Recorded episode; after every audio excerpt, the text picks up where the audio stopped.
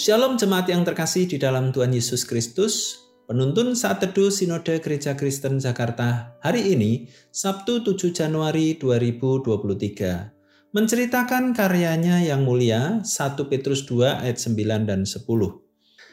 Tetapi kamulah bangsa yang terpilih, imamat yang rajani, bangsa yang kudus, umat kepunyaan Allah sendiri, supaya kamu memberitakan perbuatan-perbuatan yang besar dari Dia yang telah memanggil kamu keluar dari kegelapan kepada terangnya yang ajaib.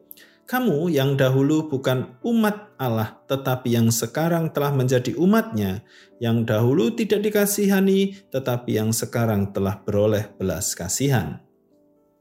Cara promosi sebuah produk mengalami perubahan besar dalam dua dekade terakhir ini. Pada zaman dahulu, promosi hanya mengandalkan iklan lewat televisi, spanduk, brosur, atau sejenisnya. Tetapi sejak munculnya media sosial, iklan berubah menjadi terpusat pada opini atau pendapat yang pengguna media sosial yang disebut dengan endorser, yaitu mereka yang mengalami langsung dengan produk yang ada, kemudian dipromosikan kepada kalayak. Uniknya, endorser ini tidak selalu datang dari artis atau selebgram yang dibayar untuk beriklan, tetapi sebagian besar mereka adalah masyarakat yang mengalami langsung produk itu. Jika masyarakat sangat puas dengan sebuah produk, berita tentang produk itu akan tersebar cepat dan makin meningkat pendapatan produk itu.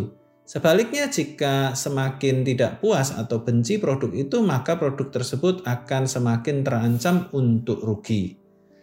Nas renungan hari ini Rasul Petrus menyatakan kedalaman yang begitu luar biasa yang menjadi alasan untuk umat Allah dalam menceritakan Kristus kepada dunia.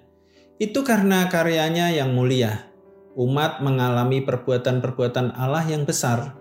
Dalam bahasa Yunani adalah tas aretas, diterjemahkan dengan excellency atau sangat mulia atau virtue, kebajikan, karyanya yang mulia di mana mereka semulanya tidak layak menjadi umat Allah. Mereka yang hidup dalam kegelapan dan layak untuk binasa oleh dosa-dosanya. Mereka dipanggil menjadi umatnya. Umat yang tidak layak dipilih oleh Allah dalam anugerahnya. Umat itu diberi kesempatan oleh Tuhan menjadi alat bagi kemuliaannya sebagai imamat baginya umat itu dipisahkan oleh nilai dan cara hidup dunia yang merusak. Umat yang dicintai dan dilindungi sedemikian rupa menjadi milik kesayangannya.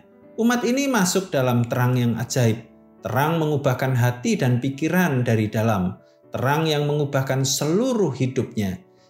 Sebaliknya, dunia sekitar ada dalam kegelapan oleh dosa, tersesat akan binasa.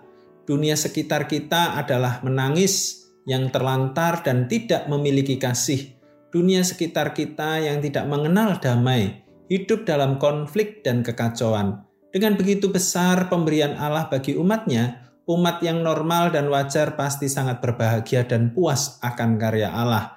Tidak ada alasan bagi mereka untuk tidak menceritakan karyanya yang mulia dan agung itu kepada dunia lewat perkataan dan perbuatan. Pertanyaan penting bagi kita, apakah dengan karya Allah yang sedemikian rupa, kita masih tidak puas oleh karya Allah bagi hidup kita. Jika kita puas, mana cerita tentang kepuasan dan sukacitamu bagi dunia? Untuk produk atau barang fana saja, masyarakat yang tidak dibayar itu giat menyampaikan cerita mereka.